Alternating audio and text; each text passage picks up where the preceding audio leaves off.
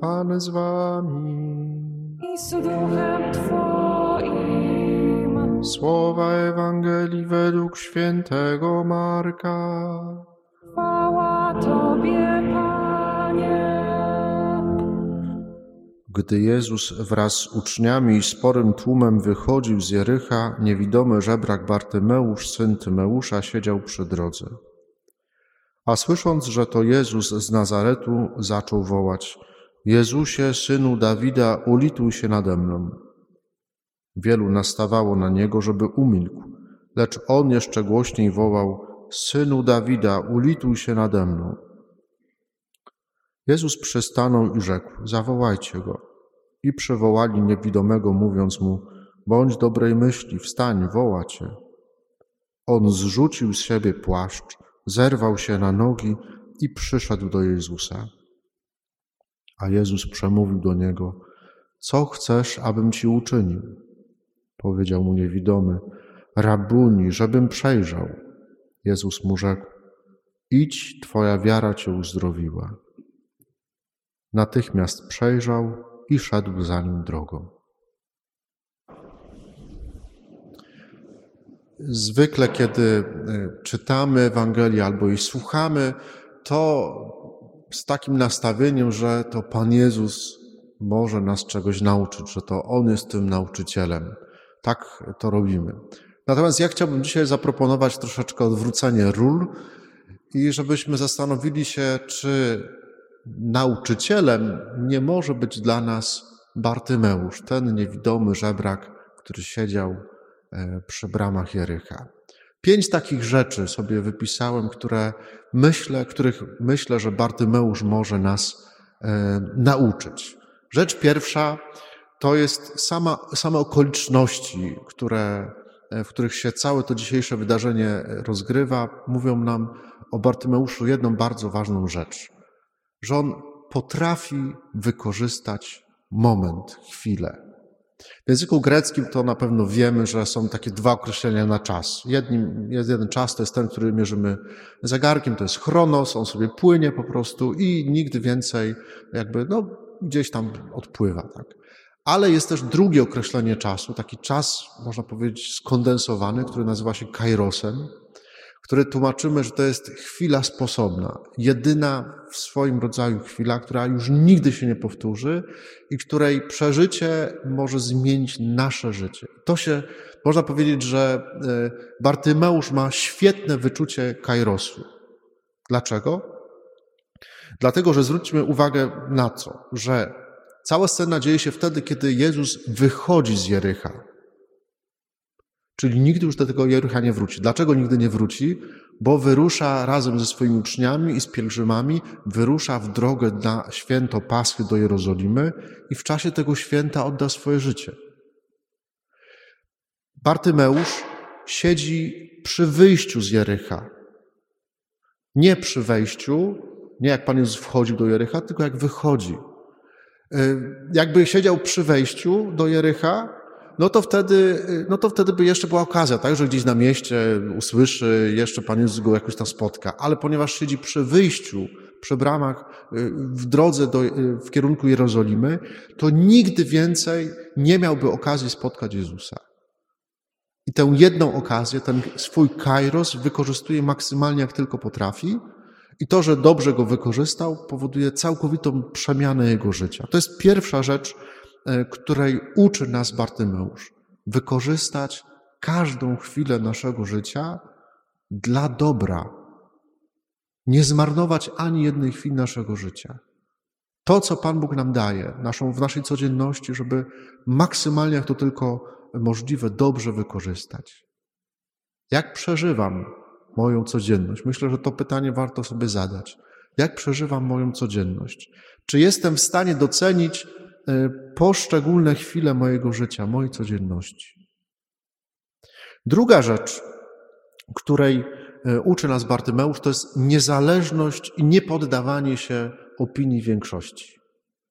Kiedy Bartymeusz zaczyna krzyczeć, warto sobie tę scenę wyobrazić, tak? Idzie Pan Jezus, e, idą Jego uczniowie, idzie tłum pobożnych pielgrzymów, którzy słuchają nauczyciela, słuchają rabiego. I nagle z boku ktoś zaczyna ryczeć. Jezusie, synu Dawida, ulituj się nade mną. Pierwsza reakcja jest taka: siedź cicho, uspokój się. Bartymeusz jednak się nie poddaje. Wie, że to jest ten moment, który musi wykorzystać i jeszcze głośniej krzyczy: Synu Dawida, ulituj się nade mną.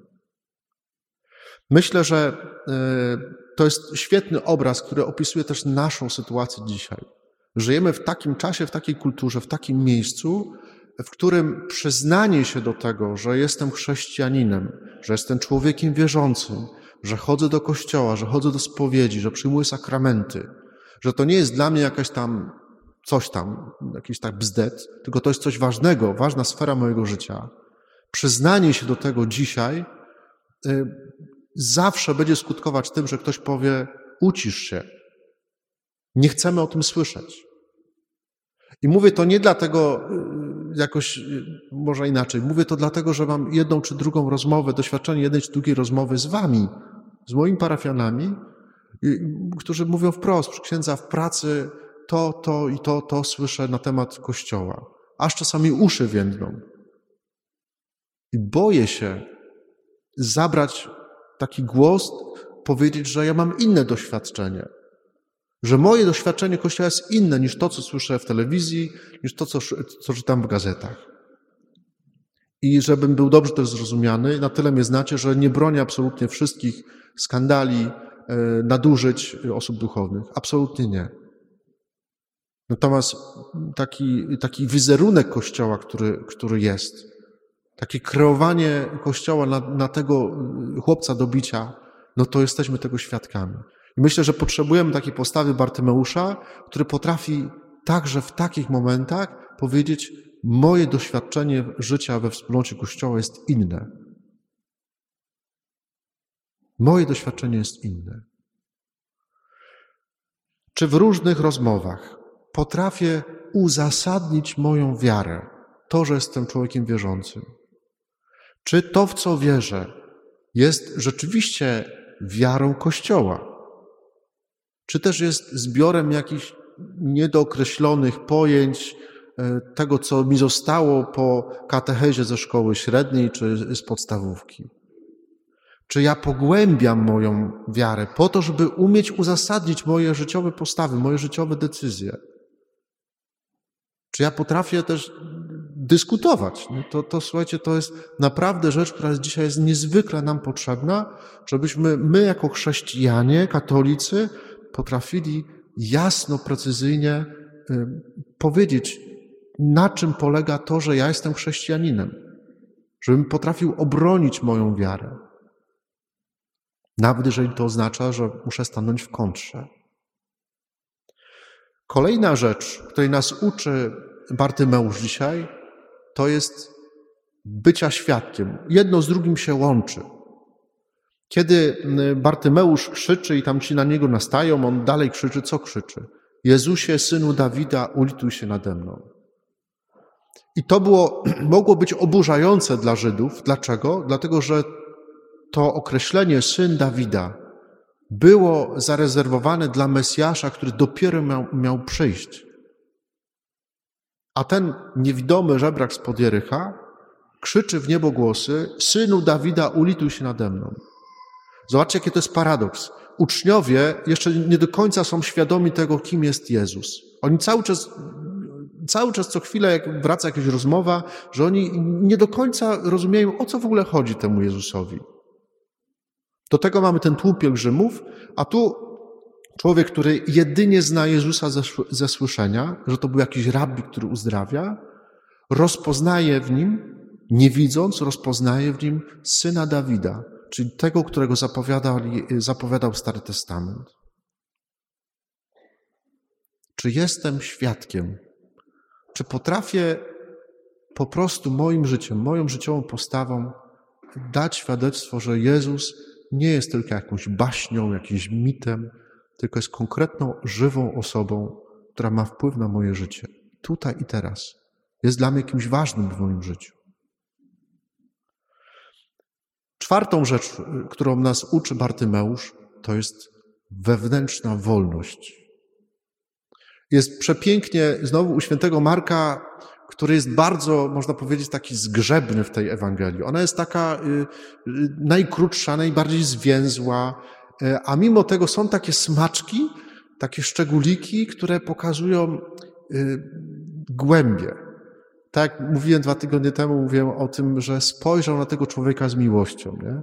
To, to jest taki, właśnie taki szczegół. I dzisiaj takim szczegółem jest to dopowiedzenie Bar- y, y, świętego Marka, który mówi, że jak powiedzieli Bartymeuszowi, żeby przyszedł do Jezusa, chodź wzywacie, to Marek zapisuje, zerwał się, zrzucił z siebie płaszcz i podszedł do Jezusa. Płaszcz dla żebraka, dla, szczególnie dla niewidomego, to był cały jego dom, cały jego majątek. Na tym płaszczu on siedział, tym płaszczem się okrywał w nocy. E, jak ktoś mu dawał jakieś datki, to rzucał na ten płaszcz. Więc jeżeli Bartymeusz wstaje i zrzuca z siebie ten płaszcz, to znaczy, że zostawia to wszystko, co jest właściwie najważniejsze w jego życiu, po to, żeby spotkać się z Jezusem. Czy jest w moim życiu takie coś, taka rzeczywistość, taka, takie rzeczy, takie przestrzenie, które są dla mnie ważniejsze od spotkania z Jezusem? Czy rzeczywiście Pan Jezus jest dla mnie w moim życiu na pierwszym miejscu? Czy wszystko, co robię, może inaczej, czy ja po prostu najważniejszą rzeczą dla mnie na świecie do osiągnięcia jest zbawienie moje, moich bliskich? Ktoś powie, no to teraz ksiądz przywalił, takie kazanie z, w ogóle z nie wiadomo skąd. Może my za, za rzadko się pytamy o to, czy my dbamy o nasze zbawienie, czy rzeczywiście zbawienie mojej duszy jest najważniejszą rzeczą, o którą ja walczę w moim życiu, o którą zabiegam w moim życiu. Myślę, że naprawdę warto sobie też to pytanie e, zadawać. Czy dzisiaj Pan Jezus jest dla mnie najważniejszą osobą w życiu? I ostatnia rzecz, której nas uczy Bartymeusz, a właściwie Pan Jezus jakby wymusza na nim e, tę cechę, myślę, że niezwykle potrzebną, to jest konkretność, taka, taki po prostu konkret. Pan Jezus wzywa tego Bartymeusza, on przychodzi i zadaje mu dziwne pytanie. Widzi, że to jest niewidomy, że to jest żebrak i pyta go, co chcesz, żebym ci uczynił? Co to za pytanie w ogóle? Jak widzę człowieka niewidomego, tak, i jestem w stanie go uzdrowić, to, to wiadomo, że chce, będzie chciał, żeby go uzdrowić. Co chcesz, żebym ci uczynił? Abym przejrzał. Bóg, Jego Słowo, dlaczego Pan, Bóg, dlaczego Pan Jezus y, motywuje e, Bartymeusza do tego, żeby konkretnie nazwał swoją potrzebę? Dlatego, że Bóg jego słowo jest bardzo konkretne. Jego słowo to nie jest lanie wody, to nie jest jakieś pustosłowie. To nie, to Bóg nie jest politykiem, który będzie obiecywał wszystko. Słowo Pana Boga jest tak konkretne, że jak je wypowiada, to ono się po prostu dzieje. To ono staje się rzeczywistością. Takie jest słowo Pana Boga. A ponieważ my jesteśmy stworzeni na Jego Boże, na Jego obraz i podobieństwo, to Bóg chce, żebyśmy w rozmowie z Nim byli konkretni, żebyśmy na modlitwie po prostu byli konkretni. Żebyśmy klękając do modlitwy wiedzieli, za co chcemy dziękować, za co chcemy e, przepraszać, o co chcemy prosić. Warto sobie zadać to pytanie, czy ja na modlitwie z Panem Jezusem jestem konkretny? Jak przychodzę na mszę świętą, my podajemy zawsze tą intencję mszy świętej. Tak? To jest intencja, w której modli się kapłan, jedna czy druga osoba, która jest na mszy. Ale każdy z nas może dołączyć do tej modlitwy kapłana swoją konkretną intencję. Czy ja wiem, po co dzisiaj tutaj jestem? W jakiej intencji ja dzisiaj chcę się modlić? O czym chcę dzisiaj z Bogiem rozmawiać? O co chcę Go prosić? Za co dziękować? Konkret. Dlaczego to jest takie ważne? Myślę, że e, macie takie doświadczenie. Ja, ja mam takie doświadczenie, że jak nie jestem konkretny na modlitwie, tylko gdzieś tam się rozłażę, to to po prostu ta modlitwa, mam takie wrażenie, że to był stracony czas. To jest, teraz mam takie skojarzenie, że to jest troszeczkę tak jak ten kabaret, e, ten sketch kabaretu hrabi, jak pani Joanna Kołaczkowska przychodzi i zdaje egzamin, nie? No, no, no coś tam, coś tam. To Bóg chce, żebyśmy byli konkretni, żebyśmy z Nim rozmawiali jak Jego ukochane dzieci. Pięć rzeczy, których możemy dzisiaj nauczyć się e, od Bartymeusza. Choćby niech jedna nam zostanie w sercu. Wykorzystać każdą chwilę naszego życia najlepiej, jak potrafimy. Być świadomym tego, kim jestem i w co wierzę. I potrafić to obronić. Dalej, być świadkiem tam, gdzie żyję. W tym powołaniu, które wypełniam.